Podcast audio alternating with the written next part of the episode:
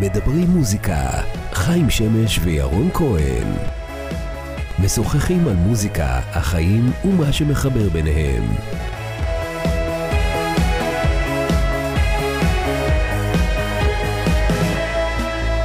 או-אה, שלום חיים שמש. אהלן, אהלן. תגיד, אתה שם לב שאנחנו בפודקאסט מספר 10. די, הנה באמת? זה, אתה מופתע מאוד, נכון? ממש, הייתי בטוח שתשע. שאני אספר, לכולם את התרגיל שלך על הקטע עם הווליום, שידעו. חיים, לפני שמתחילים את ההקלטות, הוא פתאום אומר לאבי, פניי אבי. תגדיל? טיפה, תעלה טיפה את. הסאונד שלי, ואז לא שומעים אף אחד אחר. חיים, יקירי, אני שמח לספר לנו, לשנינו, שיש לנו פה הערב, היום, השעה, כל אחד ישמע את זה בזמן אחר, שני אורחים חשובים מאוד, אה, שבעצם הם אנשים שאני יכול להגיד, יגידו תמיד את כל האמת בפנים, ואנשים שמשלמים להם הרבה כסף בשביל להגיד את כל האמת בפנים. אנחנו לא שילמנו להם שקל, אבל אתה יודע. לאחת מהם אין ברירה כי אם לא הייתי מתגרש ממנה, והשני, אין מה לעשות, הוא פשוט מפרגן, אז אה, כנראה שהוא פה. הוא אומר אותו דבר על כולם. אז אה, בוא נגיד, אה, בוא. נעבור לחלק האמיתי ונגיד אה, שלום לשני אנשים חשובים, גם בתעשיית המוזיקה וגם עבורנו. שלום לך, הגברת חגית נוביק סלומון, השותפה היקרה שלי. הישר מהטונה. הישר מהטונה הסכמתי לבוא עם חשבונית ממש יקרה. ושלום לאביב לוסקי. שלום, שלום. אהלן, אה, ברוך הבא. להיות במופע העשור. חכה מה יקרה ב-20, אנחנו אני מפחד. ב-25. אוי ואבוי. אה, טוב, אז לפני שאנחנו מתחילים, חיים, אני רק אה, אתן אה, שורת קרדיטים קלה לשני האנשים היקרים האלה, למי שבמקרה לא מכיר אותם, או הוא לא בתעשיית המוזיקה, אתה יודע, ורוצה להכיר. אביב לוסקי הוא, קודם כל צריך להגיד, הוא הצעיר בחבורה, לפחות פה אצלנו היום, ואני תמיד מציין את הגילאים. הוא מייסד ומנכ"ל של חברת הדיגיטל DigiStage. שמתמחה בפתרונות שיווק יצירתיים לאומנים מובילים, והרבה אומנים מובילים, וגופים, ופסטיבלים. אני, יש פה רשימה מטורפת של שמות, אני רק אגיד שהוא איש הדיגיטל של עידן עמדי, וקרן פלס, ואביתר בנאי, ונוגה ארז, ומרינה, ושלומי שבן, ואילי בוטנר, וסקאט, ודנקנר, ועוד מלא, ופסטיבלים, פסטיבל הפסנתר, וחולון וכולי. אה, נחשב, אה, החברה שלו והוא נחשבים אולי אה, לאחת המובילות, אם לא המובילה, בשוק המוזיקה בישראל, בחורצ'יק יחסית צעיר, שבאמת בשנים האחרונות ככה תקע יתד מאוד משמעותית, וגם חבר של הרבה מאוד אנשים, אז קודם כל כיף לי לאללה שאתה איתנו. תודה. אה, עם כזה introduction? זה ה intro. אני צריך כן. ללכת. לא, אני רק בדיוק. ה intro. כל מילה שאני אוסיף רק רק למרות. שכל מה שהוא אומר נכון. כן. תודה כל רבה. מה שירון אמר נכון. ועכשיו נעבור לשותפה שלי, לחגית עכשיו נוביק, נעבור לחלק החשוב בפודקאסט. לגמרי. שלקח לה עשרה פודקאסטים להסכים, להועיל בטובה, באמת, להגיע, ורק אחרי שאמרתי לה שעוד מישהי מגיעה לפה, אז עוד יחצנית. כן, שבסוף היא לצערי לא, אבל אתה יודע, זה זה היה בבידוד. המניע. היא בבידוד. כן. אז אה, ככה, חגית נוביק סלומון, היא מנכ"לית שותפה של משרד יחסי הציבור, חגית נוביק סלומון וירון כהן, שזה אני. חגית ניהלה במשך אה, הרבה שנים, יותר מארבע שנים, את מחלקת יחסי הציבור של עד ארצי, לאחר מכן שלוש שנים את אה, מחלקת היח"צ של NMC. אה, עבדה אחרי זה גם כמשרד היחסי הציבור של עננה, וב-13 השנים האחרונות, אוטוטו 13 שנים, מנהלת אה, יחד איתי כאמור את משרד היח"צ המשותף שלנו. בין האומנים הרבים שהיא אה, גידלה, באמת, אם אני אתחיל עכשיו, זה מתחיל מהאייפיי ועד היום, זה לא נגמר, אבל אני אספר שבמסגרת המשרד העצמאי שלה ושלי, מקדמת את טיפקס, את עידן חביב, שמעון בוסקילה, ירמי קלפן, נורית גלרון, עולה ארצ'יק, דני רובס, פסטיבלים, אומנים מחו"ל, פרויקטים לילדים, ומעבר לכל היא באמת שותפה וחברה קרובה לחיי. כן, מה לא אמרתי? אורן ברזילי. גם את אורן ברזילי, נכון. יש עוד הרבה אומנים שלא אמרתי, אגב. גם כי הוא ממש חמוד, אורן. אורן. ברזילי, וואי, נכנס ללב של כולנו. לגמרי. בא לי עכשיו למחוק את כל זה ולהתחיל מההתחלה בגלל שלא אמרתי את אורן. לא, למה? אבל עכשיו אמרנו הרבה את אורן, זה גם בסדר. נכון, זה נכון, זה השלמה. אוקיי. אבל הוא מתבאס עליך אחרי זה. שכחת אותו.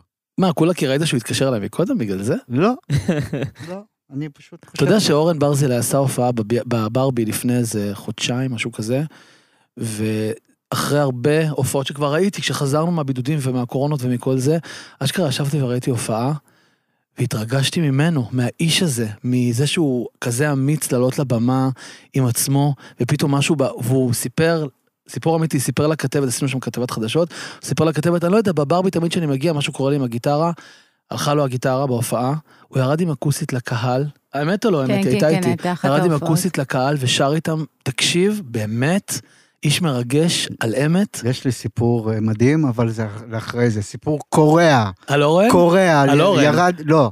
לא, אבל דומה. אוקיי. של משהו שקרה, הופעה שהייתה צריכה להיות, ומשהו השתבש, ומה מה הסוף של ההופעה, אוקיי, ויש אז- לזה סוף של הסוף גם. אוקיי, אז את הטיזר הזה אני שומר... קורע, אה. אנחנו נשמור אותו אוקיי. לפעם אחרת, אוקיי. ובינתיים, אה, חיים, בוא- בוא בוא נזכיר שכשבעצם יזמנו את השיח הזה הספציפי, אתה בעצם אמרת יח"צ דיגיטלי, היה לך איזה מין מושג כזה. אתה רוצה טיפה להסביר למה התכוונת? כן, זה, זה די פשוט. אה, יש, אה, לכל אחד אה, יש את הזמן שלו אה, לייצר קשר עם הקהל בצורה מסוימת, אוקיי? לנהל דיאלוג עם הקהל בצורה מסוימת. מוזיקאי, מה שאני טוען, אוקיי? זה שמוזיקאי או מוזיקאית שנמצאים בתחילת דרכם, אל להם לרוץ למשרדי יח"צ, ואולי אפילו אני חשבתי על זה בדרך, יכול להיות שגם נכון לומר להם, אל להם לרוץ גם ללוסקי או למשרד אה, של שיווק דיגיטלי, כי הם, כי יש דברים, אתה יודע, יש זרמים מעל פני הקרקע ויש זרמים מתחת פני הקרקע, אוקיי? כשאתה מוזיקאי ואתה יוצא החוצה ופורץ, פורץ, יוצא החוצה, שיר ראשון, אוקיי? אתה מלא אדרנלין ומלא מוטיבציה ומלא זה, אוקיי? ו- ו- ולעבוד עם מערכת זה דבר שצריך לדעת איך לנהל דיאלוג עם משרד יחסי ציבור, עם אה, שיווק דיגיטלי, אוקיי?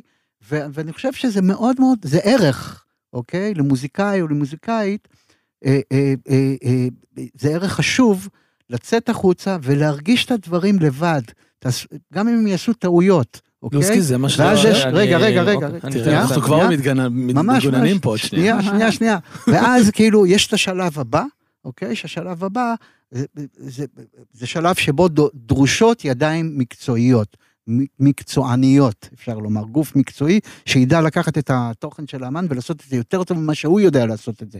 הוא צריך לדעת שהוא, שנכון לו להתחבר לגוף כזה, אוקיי?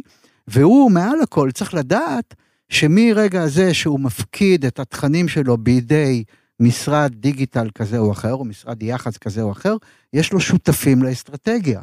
זה דבר שצריך לבנות, זה כל מה שאני אומר. טוב, אני, אני אני, חייב אני מסכים שתגיב עם על זה זה. אה, לך. חל, חלקית, כאילו זה נכון ברמת ה... לייצר מסגרת כבדה, אסטרטגית, מלא צוות וזה, שם אני מסכים איתך מאוד. בשיווק הדיגיטלי, אבל גם יש אה, כלים מאוד טכניים, מאוד אנליטיים. לגמרי. שבהם האומן צריך עזרה, לדרוש מאומן שאולי הוא יצטרך אה, ללמוד עכשיו קמפיינים בפייסבוק וביוטיוב ובזה. אני תמיד אומר, אני מגדיר את זה ככה, כשאני הולך, אה, כשיש לי בעיה ברכב, אני יכול להיכנס ליוטיוב ולמצוא איך אה, לתקן את הבעיה, יש הכל היום ביוטיוב ובגוגל, כולנו מסכימים על זה. הזמן שייקח לי ללמוד ולטעות ולהבין איך אני מתקן את הרכב, עולה בהרבה על השכר שאני אשלם למוסך 500 שקל והוא יחזיר לי את זה אחרי 4 לא, שעות אבל מתוקן. השאלה, השאלה רגע, נשאלת פה, ובגלל- בתוך שנייה. הסיפור הזה, ובגלל זה ההתייחסות פה, אני חשוב לי למסגר אותה. לאומן צעיר שצריך את בדיוק. הקמפיינים הממומנים, שהם בסך הכל לדפוק על דלת של מלא אנשים שיכולים להיות אולי קהל יעד פוטנציאלי, ולהגיד להם, היי חבר'ה, יש פה שחקן חדש במשחק, והנה שיר, אולי תאהבו אותו. אני רגע מבדיל את זה לגמרי מאומנים בשלבים מתקדמים יותר, ששם צריכים גם אסטרטגיה ותוכן ברור. אבל עוד וקמפיינים פעם, עוד פעם. רגע, לפני שאתה עובר, אני ושזה חייב מלא עוד פעם יותר? לשאול, אומן צעיר בתחילת דרכו, האם הוא צריך אתכם, לא או שהוא צריך ב retainer, לעשות את זה לבד? לא ב retainer בוודאי, לא בתקציבים גדולים בוודאי, ברמה הטכנית הוא צריך, לא יודע אם אותנו, הוא צריך מישהו שינהל לו את הקמפיינים ברמה הטכנית. אחרת הוא ישתפשף על המערכות, הוא יעשה לעצמו נזקים, הוא יכול לגשת לקהלים לא טובים, להתחיל לצבור לעצמו דאטה מלוכלכת, שהיא לא רלוונטית למוזיקה שלו, וזה יכול לפגוע בו בהמשך. ושם, אני לפחות ב, ב, ב, ב, בתפיסה שלי, מעדיף לשלם לאיש מקצוע כמה מאות שקלים שרגע יסדר לי את הדבר הזה. אני לא מדבר על דרך ברור, ארוכה, אני לא ברור. מדבר על אסטרטגיה, ובטח לא מדבר על retainer. בהקשר של יח"צ אגב, זה נורא תלוי. אחד זה שאלה שהיא תקציבית, שתיים זה שאלה של storytelling, האם יש שם סיפור לספר, או האם באמת הוא רגע צריך לצאת ולעשות איזושהי דרך קצרה, ואז להגיע ליח"צ, זה לא תשובה דיכוטומית, זה לא כן או לא. אני מסכים איתך, אבל אני אומר, בוא נ- נ- נצייר לרגע עולם, עולם כזה דמיוני, שכולם היו צריכים דיגיטל וכולם היו צריכים יח"צ. וכולם היו מתחברים למשרדי דיגיטל. זה לא דמיוני. לא, לא, זה כן, זה כן, זה לא רק... עניין של טיימינג. אני, תשמעו. הצורך הזה הוא צורך כמו כל איש מקצוע, בטח כשמדובר במומחיות, הצורך הוא צורך נכון. אני לא מבטל אותו, חס וחלילה. אני לא רוצה לחזור אחורה בפודקאסטים שלנו, ירון. אני רוצה לחדד את אתה העניין. לא רוצה לחזור אני למלחמה. לא מבטל, אני קטונתי, מי אני שאני אבטל עבודה עם משרד יח"צ כמו שלכם, או עם אה, אה, אה, משרד דיגיטל כמו של אביב. יש לכם ידע, אתם מקצוענים, אתם יכולים רק לתמוך באומנים. אני אומר את הדבר ב- ב- בראייה הרחבה, הרחבה, הכוללת, אוקיי? אבל מוזיקאית או מוזיקאי, יש להם איזושהי אבולוציה, והאבולוציה הזו מורכבת מעולם שלם של ערכים ושל אה, כישרון ושל מאוויים, ואם בנקודה, ש, ש, אה, בנקודה מסוימת שהם לא בשלים, אוקיי? לצורך העניין, אני מעדיף בנקודה מסוימת שמוזיקאי ישקיע את ה-200 שקל שלו, ילך לקורס. אתה יודע מה, אני אלך, אקח את זה אפילו צעד אחורה. אנחנו נמצאים בעולם של אתה, בעולם מאוד עצמאי. אז אתה אומר שאם יש לי בעיה ברכב, אני אלך לקורס מוסכניקים כדי לתקן אותה. זה לא אותו דבר. זה בוודאי, ה- לא. בסוף יש לנו 100% אנרגיה. האומן צריך זה לא- להחליט אבל איפה הוא משקיע את האנרגיה שלו. אני, בתפיסתי, חושב שהאומן עדיף שישקיע את האנרגיה שלו ביצירה, באסטרטגיה, בניהול אבל- שלו, בפיתוח אין העסקי לנו, שלו. אין לנו רגע, ויכוח על זה. אלא אם כן, אין זה לנו כמו בהפקה. מוזיקלית, או... לגמרי. נגנים, אתה, אתה לא מצפה שהאומן גם ינגן על הגיטרה, יעשה את התופים, תקלידים, חיים, העולם הוא יצייר במקום הגרפיקה, אתה יודע. לגמרי. קודם כל יש כאלה. ואתה כן. יודע, יש יש. יש ממשקים אבל- שמותאמים גם לאומנים צעירים. אני לא אתן אה, שירות של... אבל, אבל רגע, שנייה, אני רוצה, אני חייב לחדד משהו, כי כן. אני לא מבין כל כך את הדינמיקה של הדיון. אתה אומר מוזיקאי שיושב בבית בחדר שלו, כן. תלך איתי רגע, איתך. מוזיקאי יושב בבית בחדר שלו, החליט שהוא רוצה להיות, הוא לא, הוא לא יודע אפילו שהוא מוזיקאי עדיין, מהמם. החליט שהוא רוצה להיות מוזיקאי, סבבה? הולך, לומד לבד, כי על אותו משקל, אתה יודע, יכול ללכת ללמוד ברימון, הוא מורה פרטי, זה, זה, לומד לבד מוזיקה ומתחיל זה, לומד לבד, אה, לוקח Pro Tools, whatever, איזושהי תוכנה, עובד בבית, אוקיי, נהיה לו שיר. אחלה. אתה אומר, בשלב הזה כבר נכון שילך וייקח את השירותים שלך. מה פתאום? לא, אבל חיים, זה זה לא השלב פתאום? בדרך כלל. אוקיי. השירותים שלי לא הם. כשהאומן אה, לא מחליט שלך, שהוא לא משנה, של משרד, כן, כן? כן, שהוא מחליט שהוא רוצה לייצר דמות אומנותית ולייצר איזשהו רצף של רליסים. אתה יודע, יש לי פה אנחנו חברים ש- מסכימים. יש לי חברים שמוציאים שירים סתם לכיף, לאינסטגרם. אז פה אנחנו הם לא עושים מסכימים. קליפים, הם לא עושים עיצובים גרפיים, הם סתם מקליטים סקיצות וזה, הם בכלל עובדים בהייטק או בזה. אתה יודע, אי אפשר לה- להכניס את כל המילה הזאת שנקרא אומן לתוך איזה pool ולהחליט עליהם איזה שהן החלטות. זה נורא תלוי מי אתה, לא, נורא תלוי לה- אתה- נורא תלוי מה הציפיות שלך מהעולם. אם הציפייה שלך היא מסחרית, להגיע לכמות מסוימת של אנשים, שיש לך רצון להיות ברדיו, שיכירו אותך. שאולי זה יום goes- אחד, אולי עוד כמה שנים גם תמלא את זאפה או את שוני או זה whatever. goes without saying מה שאתה אומר. לקחת אנשי מקצוע זה דבר מבורך, השאלה היא באיזה שלב. ברור. זה הדיון בינינו. ב- אני, אני רוצה הדיון. ברשותכם לצרף את השותפה שלי לשיחה, החלק הזה, כי הטיימינג, א', אנחנו כבר דיברנו הרבה על הטיימינג הזה, אבל תני רגע את הראייה שלך לחלק הזה, לחלק הזה של מתי באמת מוזיקאי אמור לקחת את המשרד דיגיטל, מתי הוא אמור לקחת את המשרד יח"צ, והאם זה נכון לדעתך להתחיל לבד, גם עם כמה סינגלים לרדיו, ואחרי זה לשלב את משרד היח"צ. הרבה פעמים פונים אלינו אומנים ששולחים שיר או שניים, ואומרים, אה, אוקיי, אני רוצה להוציא, להוציא את הסינגל הזה, ואנחנו הרבה פעמים, אתה ואני נמצאים במקומות שאנחנו באים ואומרים, שנייה, יש לכם שני שירים? רגע, כאילו, למה עכשיו אתם פונים? יש המון אומנים שפונים, שאנחנו מרגישים שזה מוקדם מדי, ואז אנחנו אומרים להם, לכו, ת, תעבדו על עוד שירים, תבואו אלינו שיש חמישה, שישה שירים, שאז כבר אפשר למצוא איזושהי דרך. לעשות אסטרטגיה, לחשוב מה לפני מה, ולא שני אני שירים רוצה ולהוציא. לחזק אותך, ב... אתה לא יודע לפעמים כמה הפנייה הראשונית של האומן, כי הוא פשוט העז להתקשר אליה או אליי, פתאום מכניסים לו סדר בדברים. פתאום אנחנו אומרים לו, רגע נשמה, אם יש לך שתי שירים, חבל לך על הכסף, זה לא עובד ככה היום. לך תייצר כמות של שירים, תגיד כמה מתוכם יכולים להיות גם סינגלים, תחזור אלינו עוד חצי שנה יותר מהודק. עצם העובדה שדיברנו דקה בטלפון, ושלחו אותו רגע עם מצפן חזרה, פתאום עשו לו איזה סדר. אני כל בלי הזמן שזה עלה חושב, לו אפילו שקל. אני חייב להגיד שכל הזמן חושב מחדש על אותם זמרים שמתחילים לבד, שיש מקרים שזה מה יוצא הכוונה מדויק. מתחילים לבד? מוציאים לינקטונים לבד עם. שירים אה, לרדיו. זה משהו אחר, זה משהו אחר ממה שתיארתי זאת. השאלה. גם אתמול הייתה לי שיחה עם אה, איזשהו אומן שפנה אלינו, אפילו לא סיפרתי לך. חבל. וככה ניהלנו, לא, אתה יודע שהוא פנה אלינו ואמרנו שאנחנו מאוד אוהבים את השירים שלו. ואז אה, ניהלתי איתו שיחה ואמרתי לו גם שכדאי שיהיו באמת כמה שירים ושצריך לבחור. ואז הוא שאל אותי, תגידי, ואם אני אוציא סינגל ראשון רק עם אה, לינקטון או פטיפון, בלי, בלי יח"צ, ואני אבוא למשרד יח"צ בסינגל השני, אז אמרתי לו, תשמע, אני לא מאמינה בזה. כי אני חושבת שוואנס יצאת לדרך, אתה חייב שמישהו ידבר עליך. אם אתה מוציא לינקטון או פטיפון, ושאף אחד לא יצר קשר עם השדרנים, כשיוצאים 100 שירים בשבוע, אז נורא קל להם לקחת את השיר הזה, ופשוט לא, לא להקשיב לו אפילו. עכשיו, זה לא שאם אנחנו מדברים איתם, אז הם שו, בוודאות שומעים, שומעים את השיר. אבל יש יותר סיכוי שהשם של האומן הזה, יצמח מתוך השיחה שלנו עם הרדיו. עכשיו, ואז באתי ואמרתי לו, ונתתי לו גם דוגמה, על איזושהי זמרת אצלנו, שסינגל יצא ראשון, ועלה לכמה ישיבות וירד, ואז הוצאנו סינגל שני, שלא צלח אפילו ישיבה אחת, וביקשנו מהם לחזור לסינגל הראשון, בשביל שאתה מכיר חיים. ולדון בו עוד פעם, והם דנים בשיר שלה כבר עכשיו חודשיים, בפלייליסט לילה. עכשיו, אם היא לא הייתה במשרד שלנו והיא הייתה מוציאה סינגל ראשון לבד וסינגל שני בא אלינו, אני חושבת שכל הדרך הזאת היא לא הייתה קורית, כי... מתפספסים דברים פשוט. מתפספסים. אני גם חייב להגיד שמשהו באווירה של יציאה לדרך של פרויקט שהוא לבד והוא בוסרי, בחלק מהמקרים הוא יוצא מאוד מגניב ומאוד כזה פיין. ברוב לא. בהרבה מקרים אתה מרגיש אשכרה, וחיים, אתה מאוד רגיש דווקא למעטפת, דיברנו על זה לא מעט. אה, אתה רואה את הלינקטונים או את הפטיפונים, לא משנה מאיזה עדה, שלא נראים כמו שצריך. אתה רואה שהגרפיקה לא בשפה של האומנות. אתה רואה שהחיבור לא מספיק מדויק. עכשיו, אתה יכול לבוא ולהגיד, בסדר, אבל זאת התחלה, הוא השתפשף, זה נכון.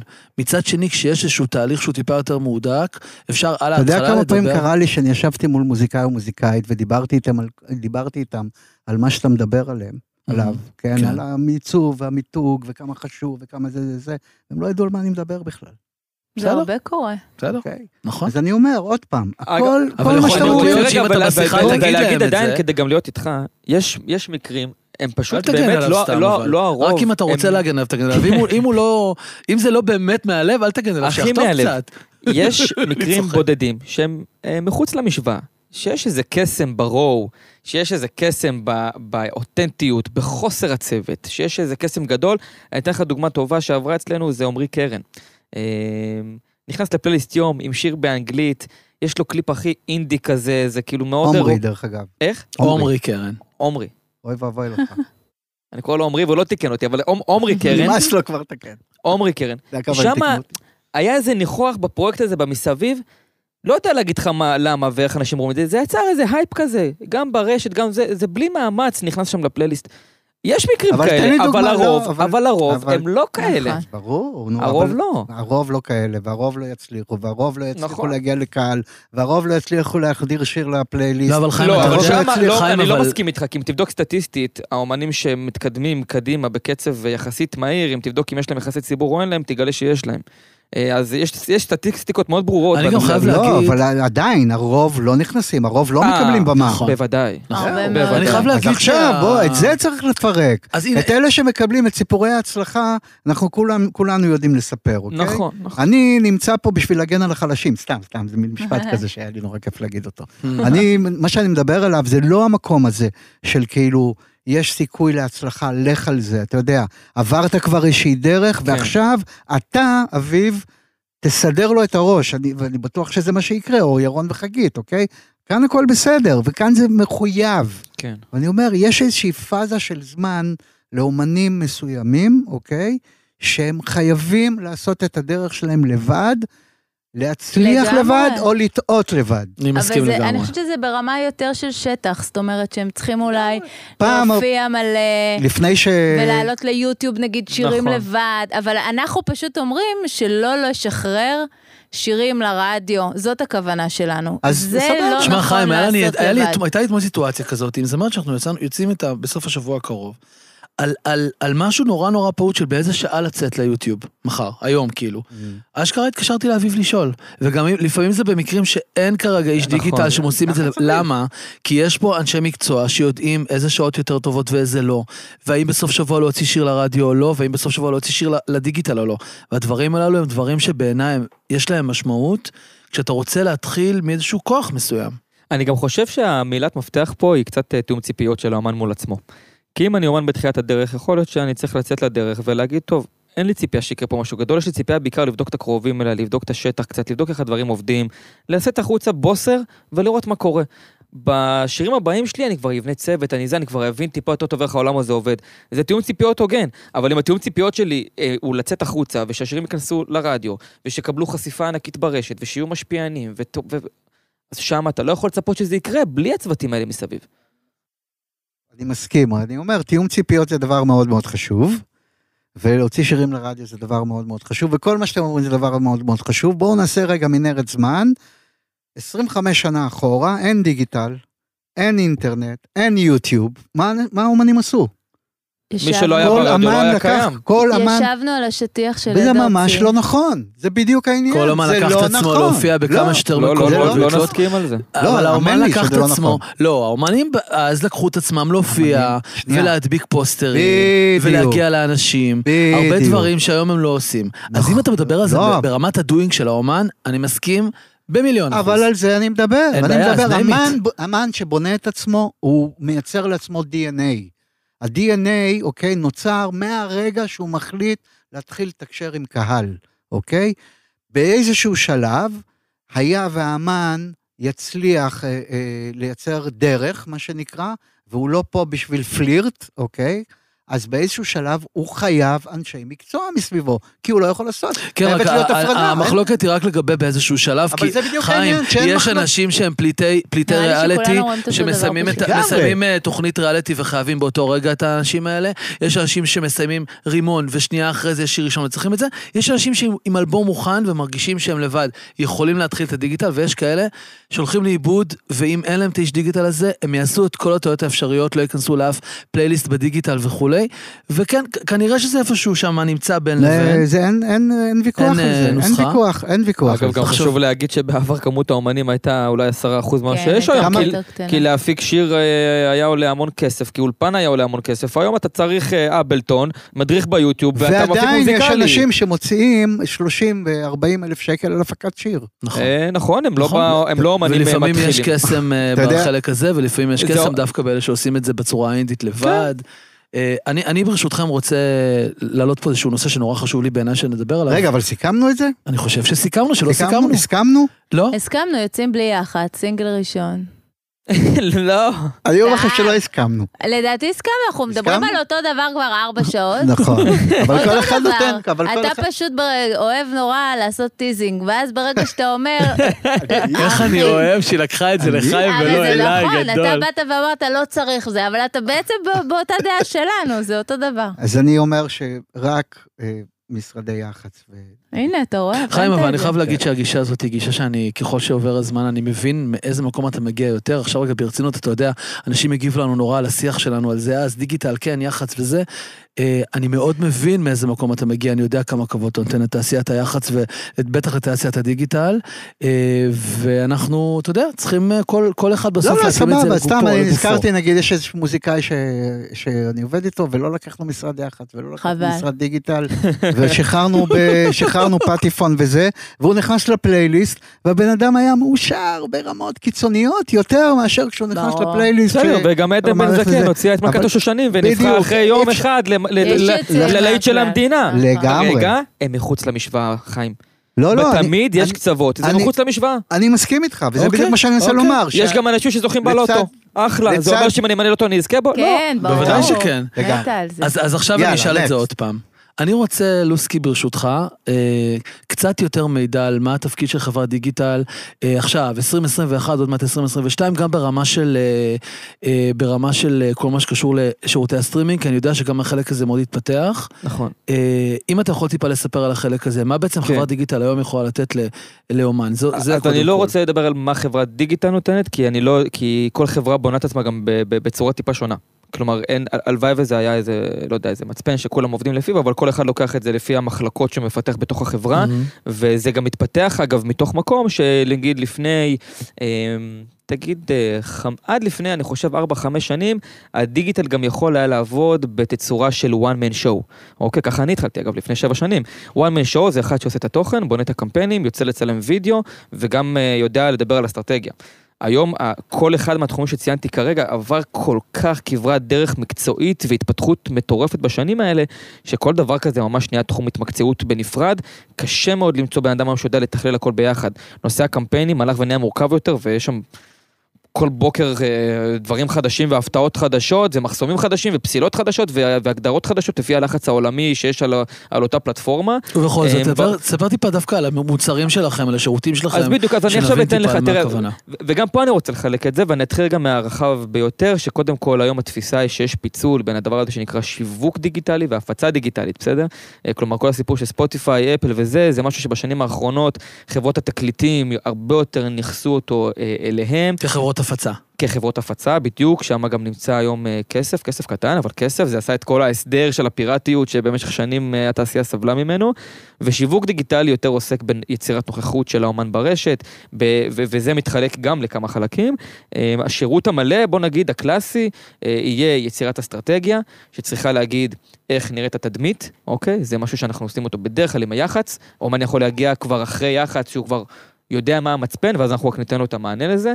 אבל יצירת אסטרטגיה זה אה, מתי העוגנים יוצאים, מה התאריכים, בעיקר לשקף לו את אה, כמות התקציבים שצריכה לתת על כל דבר בעצם, ובעצם את ההקשות שהוא צריך להקיש מתוך השיווק הדיגיטלי, כי יכול להיות שהוא עבר דרך יח"צ, דרך ניהול, ועכשיו הוא מבין דרכנו מה צריך לעשות. אבל תראה טיפה ברמת הפרקטיקה, נורא נורא גם חשוב לי... בפרקטיקה, אבל, אבל הפרקטיקה היא, היא כוללת גם את המסגרת האסטרטגית, כי אנחנו לא קמים בבוקר ושואלים, וואי, איזה פוסט מעלים היום. נכון, אבל בסוף, בסופו של דבר ביום יום, יש לכם אכן פוסטים שעולים כן, זה ל... אסטרטגיה, זה כן. תוכן שוטף. תוכן שוטף מתחלק לכמה רבדים גם, יש את. התוכן שאנחנו מנהלים את האומן לייצר עבור עצמו, שאנחנו ננהל אותו ביחד.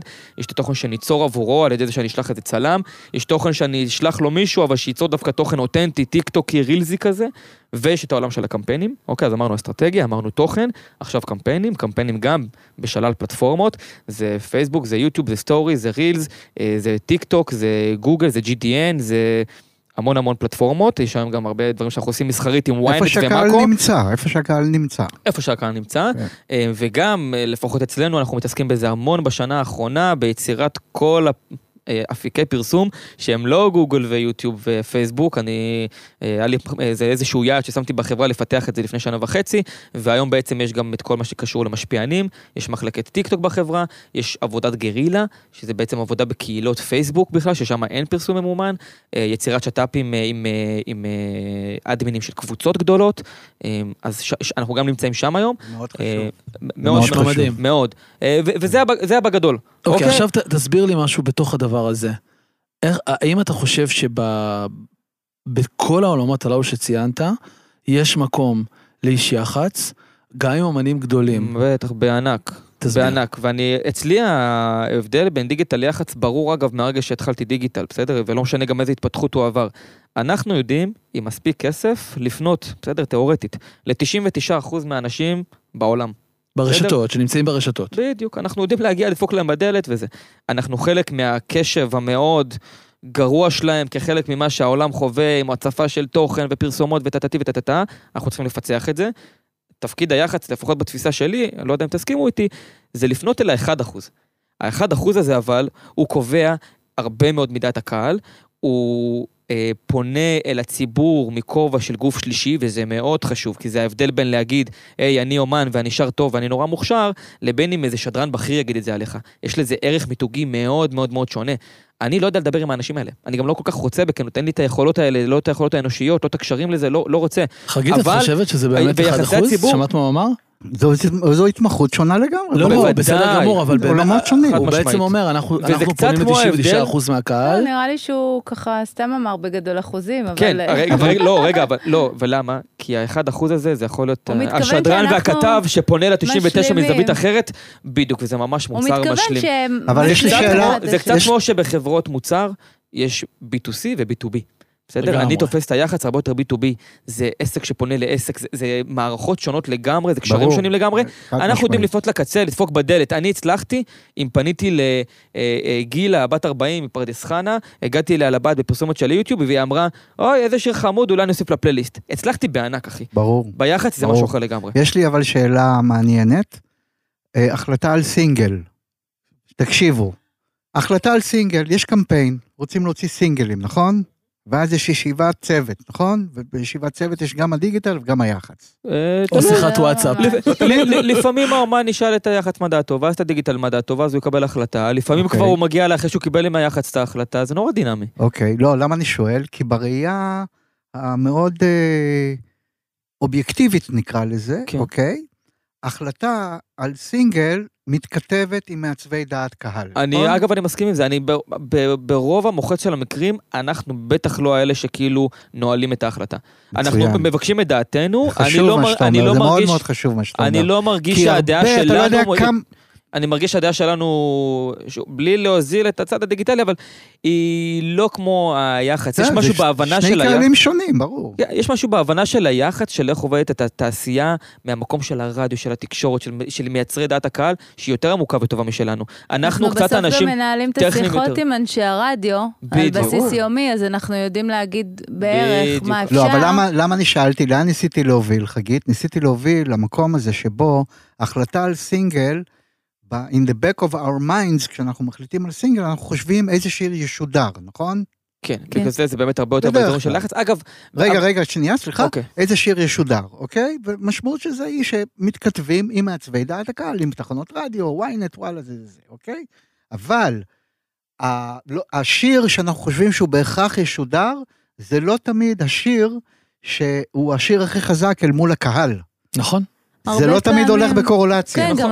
גם אני אומר? נכון, בטח. הרבה פעמים גם שיר שנגיד אתה שומע מאומנים שהשיר שהקהל בהופעות הכי אוהב, נכון. הוא לא בהכרח השיר שהוא יעבוד ברדיו. אוקיי, אז עכשיו, הרבה פעמים בפגישות אסטרטגיה, אז אנחנו כן מדברים על מה יצא לרדיו, מה אפשר לעשות בדיגיטל, כי לפעמים זה באמת עולמות משלימים. ואז בוחרים מה נכון לרדיו, מה נכון לעבודת שטח, מה נכון להופעות. זאת אומרת, יכול להיות מקרה ששיר מסוים יוצא לרדיו, ושיר מסוים יוצא לדיגיטל לגמרי. ברשת. אתמול אה, עשינו- יש אסטרטגיות כאלה שלפעמים נוצרות ככאלה שכאילו... אתה חושב שזה ש- זה- זה עובד? אתמול עשינו שיחה כן? עם מנהל של זמרת, שהוא השמיע לנו שיר, ואמר להם, תקשיבו, זה שיר שטח, אל תוציאו לינקטון.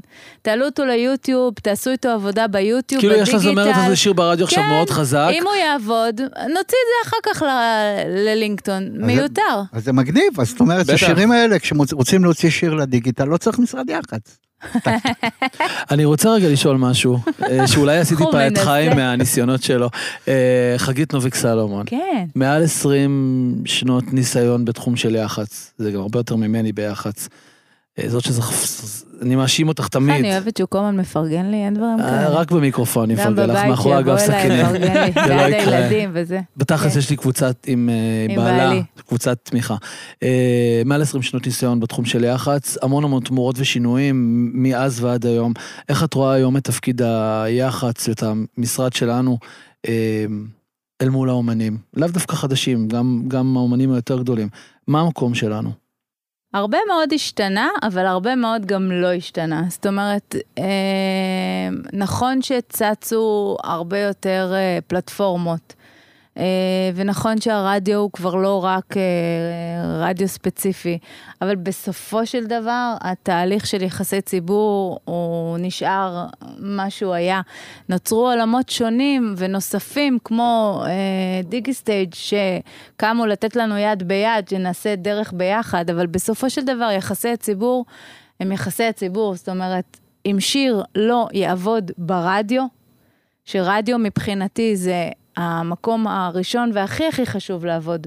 אם שיר לא יעבוד ברדיו, כל יתר הגלגל הזה, כדור השלג, לא יכול, אה, לא יכול לקרות. ואם הוא יתחיל הפוך והוא יעבוד דווקא קודם כל בדיגיטל, האם... הרבה פעמים קורים מקרים קורה, של כן. שעובדים ב- ביוטיוב ו- ו- וקורים דברים, אז אנחנו באים איתם לרדיו.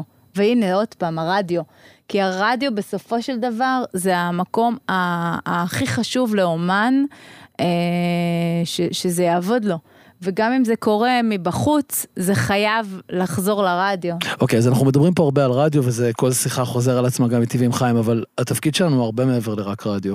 מה עוד? התפקיד שלנו, אנחנו מעין מעטפת כזאת של האומן, שאנחנו מנסים לייצר יחד איתו סביבת עבודה. הרבה פעמים הם מגיעים אלינו, שהם באמת, אה, אין להם מושג מה לפני מה ואיך להתחיל את הדרך. אנחנו די מסדרים להם את זה ואומרים להם, אוקיי, אתה צריך אה, צילום, אה, אתה כמו מין, אה, אה, איך אני אסביר את זה, אה, מפיקת חתונות.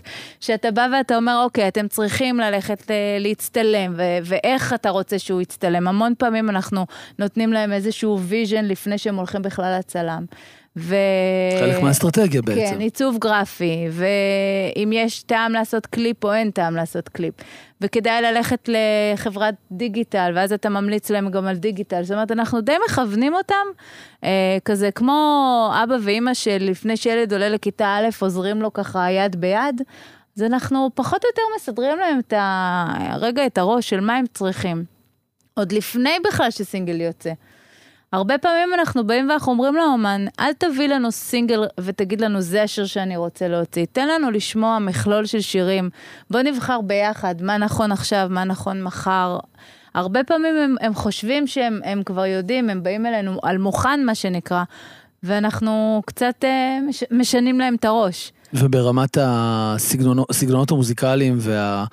את ה... נקרא לזה גל הפופ המטורף שפוקד את אה, עד בתנו. אני חולה על פופ, אתה יודע, זה מה שאני חייבת לשמוע. ברור, עוד מימי i5, ברור. נכון, מה אבל אה, לעשות? הגל הזה, כמה הוא משפיע על קבלת ההחלטות של סינגלים שקורים ברדיו וגם בדיגיטל. כל, אה, כל כמה זמן יש איזשהו גל ש, שפוקד אותנו. אם זה היה רימון, אם זה היה היפ-הופ, טונה ונצ'י, ועכשיו זה... עכשיו זה לא ברור מה יש, דרך אגב. הכל, עכשיו יש את הכל. יש זה היה, הכל. מזרחי. על המזרחי. סליחה. מזרחי. לכן אני אומרת, מה יש עכשיו? יש בית. משוגעים, ויש טרילילי עכשיו זה- טרללה, עכשיו זה כאילו פופ כל בענק. השירים הכי. הזויים. אז רגע, בעצם הזמן, אחרי אגב. הגל הזה אנחנו חוזרים לגל הרוק סוף סוף, נראה לכם? יש דיבור כזה. יש כן, דיבור אני- מה כזה. זה בספק, אני פשוט שלא חושב נחזור שזה... אליו לעולם. זה פשוט לדעתי, אני לא מוזיקאי אז אני רחוק מ... לא, יש מלנתח איזה שיר את עכשיו אבל- שנמצא מאוד גבוה במצעדי הפזמונים, שהוא שיר גיטרות פר אקסלנס, רוק, אני אכנס אחרי זה, אני אסתכל, בדיוק קראתי על זה, ממש אתמול. וזה כאילו... אני מרגיש יש שאם הרוק-. הרוק ברמת הז'אנר לא יצליח להמציא את הסאונדים שלו מחדש, הוא פשוט לא יחזור. כן. ההיפ-הופ המציא את הסאונדים שלו מחדש, הפופ המציא את הסאונדים שלו מחדש, גם המזרחית, אה, הכל. אבל תקשיב, הרוק רוק, עדיין, שאתה שומע אותו, גם שיר שהופק ב-2021, ברוב המקרים הוא ירגיש קצת מיושן. משהו בהפקה, אה, אגב, הדוגמה הטובה לפתרון של זה, מה שעושים אה, Tame Impala. בסדר? זה לקחת את הרוק לניו אייג' קצת, כאילו, ולחדש אותו. ו- כן. ואז אתה יכול לקבל גיטרות, אבל עם הפקה טיפה יותר אלקטרונית. זה- אבל- משחקים עדינים, אבל... אה, אבל סבבה, אתה מדבר על אה, סאונד שעוטף את נכון. הרוק, אני מבחינתי רוק זה דבר הרבה יותר אה, גדול מרק הסאונד. זה גם תרבות, נכון, נכון. לא, לא בעניין של תרבות, טקסטים, אה, במה אתה בוחר להתעסק כשאתה, אתה יודע, אמן רוק. אבל זה מתחיל אה, מהסאונדים, כי זה צריך להישמע מעודכן. אם זה- אתה מקבל שיר שיש לו אחלה של לא, טקסט, אבל אתה נשמע כמו בניינטיז, יש בעיה. הסאונד מצטרף, וזה בסדר, נכון, אתה אומר. זאת אומרת, אני מסכים עם מה שאתה אומר. הסאונד מצטרף ל songwriting, נכון. אתה יודע. אז אני ב songwriting, אבל כן, אני חושב שזה יקרה ממילא. בכלל, אם, אם ת, תבדקו לאחור, אז אתם תראו שתמיד יש מחזוריות כזו, נכון. של דברים שנעלמים. אגב, לא. רק במוזיקה, גם נכון. באופנה, לגמרי, בהמון- לגמרי, עכשיו כן, כן. הפדלפון חוזר בג'ינסים, אני יודע, זה... אני זה- לא אלבש פדלפון, גם, אני לא. יודע. גם אני לא, אבל אה, כשהייתי זה, בחטיבה, עם זה הלכנו. אה, אבל זה. בהכל יש מעגליות, ברור לנו. כן, ועדיין לגמרי. אה, אומן חדש שעכשיו אה, בא ורוצה נגיד לפרוץ, אה, הרי כולנו יודעים שאנחנו צריכים להכין אותו דרך ארוכה, זה ברור, אבל עדיין, מה, הציפיות? כמה זמן באמת באמת לוקח, אני רגע אהיה הכי שטחי שיכול להיות, כמה זמן לוקח לעשות נוגה ארז כזאת? כמה זמן לוקח לבנות בית? כמה זמן לוקח לבנות לא, גשר? זה- זה הרבה יותר מורכב מזה, שני כי- בשאלה שלו לא, זה- זה זה בין גם 20... שאלה על אישה, אי אז אומרת. שהיא אישה שמצליחה לכבוש קיסריות כרגע. אבל תקשיב, קודם כל נוגה ארז הרבה שנים ב- מה זה הרבה? באזור. זה- אני מכיר את נוגה ארז כפעילה שמונה שנים. כן. וואו. שמונה שנים פעילה, הייתי עושה את? ההופעות. בחלוץ עם עדי אולמנסקי בדואו. זה... טוב שאתה אומר את זה, כי זה בדיוק מה ש... בגלל זה הוא שאל. כי כאילו רגע, היי, חושבים כל- שזה צץ כל- עכשיו, ואתה אומר, היא שמונה שנים פועלת, ברור. שמונה שנים מה זה פועלת? שלא אבל... קרה כלום. ונוגה ארז היא אומנית. שקמה כל בוקר לעבוד בקריירה של עצמה ברמה מטורפת, כלומר היא חרוצה וזה זה לא בא בחינם וזה בטח לא בא ברגל. כן. כמה זמן לוקח? בין 24 שעות ל-24 שנים.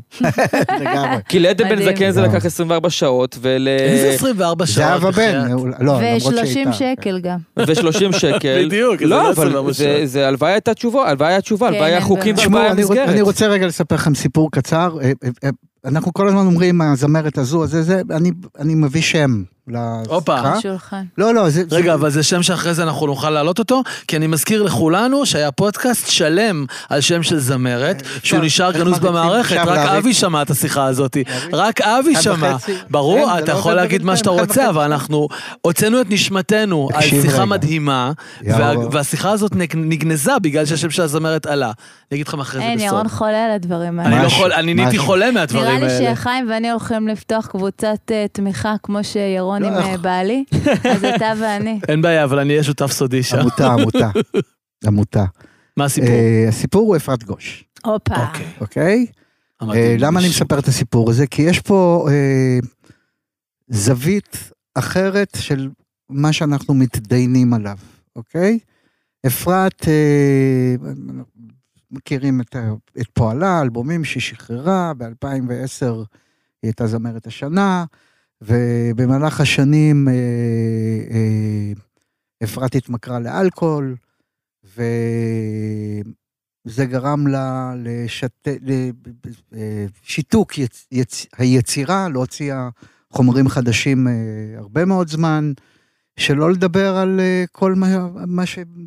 זה מביא איתו, כן? התמכרות לאלכוהול זה דבר באמת מורכב, באמת אה, אי אפשר לתאר. ואז אפרת לקחה את עצמה באמת באומץ רב והצליחה לשקם את עצמה, ועמדנו, המערכת של אפרת הייתה איזושהי נקודה בזמן, שהיינו צריכים לקבל החלטה אם לקחת משרד יחסי ציבור או לא, אוקיי?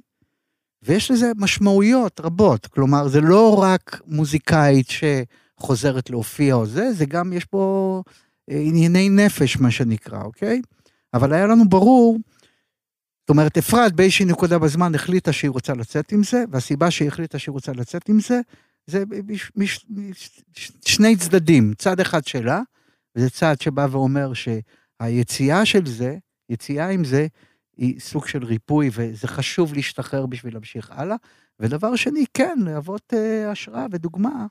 מאוד, או אה, להגיד לעוד אנשים שנמצאים בבעיה הזו, שבסדר, שיש לזה סוף. כלומר, זה לא, זה לא בהכרח אה, אה, סוף פסוק, אוקיי?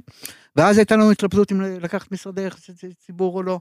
ויעל מרגלית, שותפתי לניהול של אפרת, אה, עשתה טלפון לפה ולשם, ואני עשיתי טלפון לפה ולשם, וקיבלנו איזושהי עצת זהב, עצת זהב, שהתפרצה לדלת פתוחה, ו- כך יצא שיצאנו בעצם עם פוסט, כן. יצאנו, אפרת, יצא עם פוסט, לא מתראיינת בשום פלטפורמה, גם לא הוצאנו שום שיר. מצד שני, היא ממשיכה, או יותר נכון, חזרה להופיע במלוא העוצמה ובמלוא הכוח, ואת מה שיש לה להגיד, אפרת אומרת, דרך הרשתות ודרך ההופעות, זאת אומרת, תוך כדי הופעה, אוקיי? אבל חיים, כדי שזה... בסוף זה צריך להגיע עם מינוף של יחסי ציבור, אופה, אם רוצים שהדבר הזה אופה, יגדל. הופה, לא, לא, לא, לא, לא, לא, לא. לא. אוקיי. זה בדיוק העניין. אחד, זה לא חייב להגיע למינוף. רגע, אה, אין חייב, בסדר? יש עניין של אסטרטגיה ומה רוצים, בדיוק, בסדר? בדיוק, אין בדיוק, חייב, בדיוק, סליחה. בדיוק, בדיוק. זה אבל- חשוב, זה תיקון מאוד מאוד חשוב. אוקיי, ברור, אוקיי? זה... כן. אני זה- דווקא אוהבת את זה שזה הגיע אותנטי, נקי ממנה, בלי יח"צ, בלי עכשיו כתבה. יהיה הרי, יהיה מתישהו כתבת חדשות. אם את זה שואלת אותי-. אז זה מה שאני אמרתי. כן. ברור. אם את שואלת- זה- זה יקרה. שלי. אם את שואלת אותי, כן. בתור המנהל כן, שלו, זה לא יקרה? אני לעולם. מתישהו היא תתראיין, מ- לא?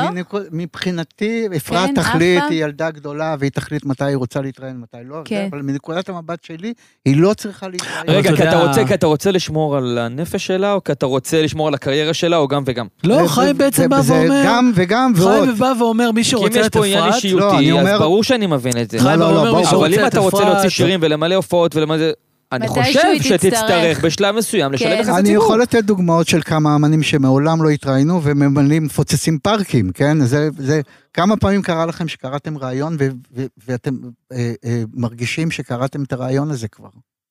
לא חושבת שזה אתה לא יכול רוצה לצאת לדעת במקרה כמה זמן לא שלה, כי קראתי יש לה. פה סיפור אה, מטורף לספר. עדיין, כמה פעמים קראתי, מלא, את יודעת, אבל רק זה לפני לא- שלושה שבועות זה, הייתה... חיים, זה משהו מאוד כללי להגיד, סיפור כמו אפרת גוש, הרבה אנשים נכון. יקראו, וזה, לא, וזה יהיה מאוד מיוחד זה לא ומאוד עוד מרגש. סיפור על אלבום חדש שעכשיו יוצא לאפרת. וקראת אותו כבר. יש- מתישהו היא תצטרך לספר את הסיפור הזה. זה שהיא כתבה פוסט זה מדהים, אבל מתישהו, כאילו, מתישהו, זה- איזה סיפור? את הסיפור על הנה, היא האלכוהול. סיפרה. לא, לא, לא, זה היא לא סיפרה. היא ממש לא סיפרה. התקשורת... היא רק שחררה אותו ציינה לתקשורת, בדיוק. אבל היא בעצם יצרה סיפור הרבה יותר גדול. כל יום אנחנו מקבלים נכון, נכון. וכל יום ומתישהו רוצים... היא תסכים. יגיע אבל שלב. היא תסכים מה, לעזור לתקשורת לא למכור עיתונים? לעזור לתקשורת. לא, לעזור- לא. לעזור רגע. לערוץ 2, לא, לחדשות לא, של לא, ערוץ אתה לא, 2, מסתכל זה לא, במקום לעלות של, הרייטינג. אה, של אגו מול אבל הרייטינג. זה לא איזה נכון. רייטינג? אגו? ממש לא רגע, אגו, רגע. ההפך. אתה אומר, מי אני- אני- מרוויח? אני אכיל את לא, המפלצת? לא, זה- אני זה גם מדבר- בשביל... אתה הרי- יכול להכיל את המפלצת בצורה רגע, שנוח לך רגע. עם אנשים מקצועיים. אני אבל גם אחליט... מה שאמרת, זה שהיה לה חשוב לא נורמליים. לספר כן. את הסיפור בשביל אה, אנשים נוספים שהיא תיתן להם אה, אה, את העתיד הוורוד הזה. יש לפעמים אה, כתבות בעיתון או כתבות טלוויזיוניות שקורות בשביל לספר את הסיפור הזה. זאת אומרת, זה שהיא תתראיין לחדשות ערוץ 12 מתישהו, זה לא בשביל אה, חדשות ערוץ 12, וזה גם לא בהכרח בשביל אפרת. זה בדיוק מה שאתה מספר, לרפא את עצמה ולתת לאנשים אחרים את האור הזה. אני גם רוצה לדייק את מה גם צריך שאמרת. לזכור שמדובר באפרת גוש. צריך לזכור שמדובר בזמרת מאוד מפורסמת, עם שירים מאוד גדולים ברדיו, ולא נכון. עם מישהי שבתחילת הדרך. זאת אומרת, זה שהיא עכשיו יכולה להרשות לעצמה לא להיחשף תקשורתית, זה אחרי הרבה מאוד דרך, וגם צריך להגיד עוד משהו אחד, חיים. נכון שהיא יצאה בלי יח"צ, אבל יש לה מנהל אישי שמבין ביח"צ הרבה מאוד שנים. נכון. יש לה את יעל מרגלית, שעשתה דבר או שתיים. לא משנה, אבל במהלך כזה, אתה לא- אני לא מכיר סיפור, משמעותיים. תקשיב, אני לא מכיר הרבה סיפורים שזה ניהול משבר, זה סוג של משבר, לא משנה, זה משבר הפוך, כי פה יש תהליך של החלמה ות- ות- ותהליך חיובי, כן? אני לא מכיר הרבה אנשים זה של- שבניהול משבר שכזה, או ניהול אה, אה, סוגיה שכזו, מחליטים ללכת אה, בלי יח"צ, לא, אוקיי? אני מכיר אנשים כאלה, אבל, זה, אבל שוב, כמו שחגית אומרת, בשלב מסוים תצטרך להתכנס, אני אגיד לך גם למה. זה לא, אתה לא מדבר פה על עמית סגל או אילון מאסק, שבציוץ בטוויטר או בפוסט משנים את, את, את דעת הקהל בישראל. אתה מדבר פה על מוזיקאית שיש לה סיפור מרגש, יופי, אבל בסוף אתה צריך לייצר קונטיניוטי, כי יש לה מוצרים מסחרים לקדם, כמו הופעות, כמו מוזיקה, היא צריכה כתבות בחדשות. אם היא רוצה לגדול, היא גם לא חייבת. זה גם יכול להישאר שלך- ברשת. אז הנוסחה שלך, לי, יש לי בעיה איתה, אנחנו, יש לנו עוד כמה אין לי, דקות. אגב, אין לי נוסחה, חיים. לא, הנוסחה שלך, יש לך. לי, לא, אם יש לי, יש לך, יש לך, יש לך, יש לך, יש לך. הנוסחה שלך היא הצלחה, אין לי, שווה אבל. חשיפה. לא.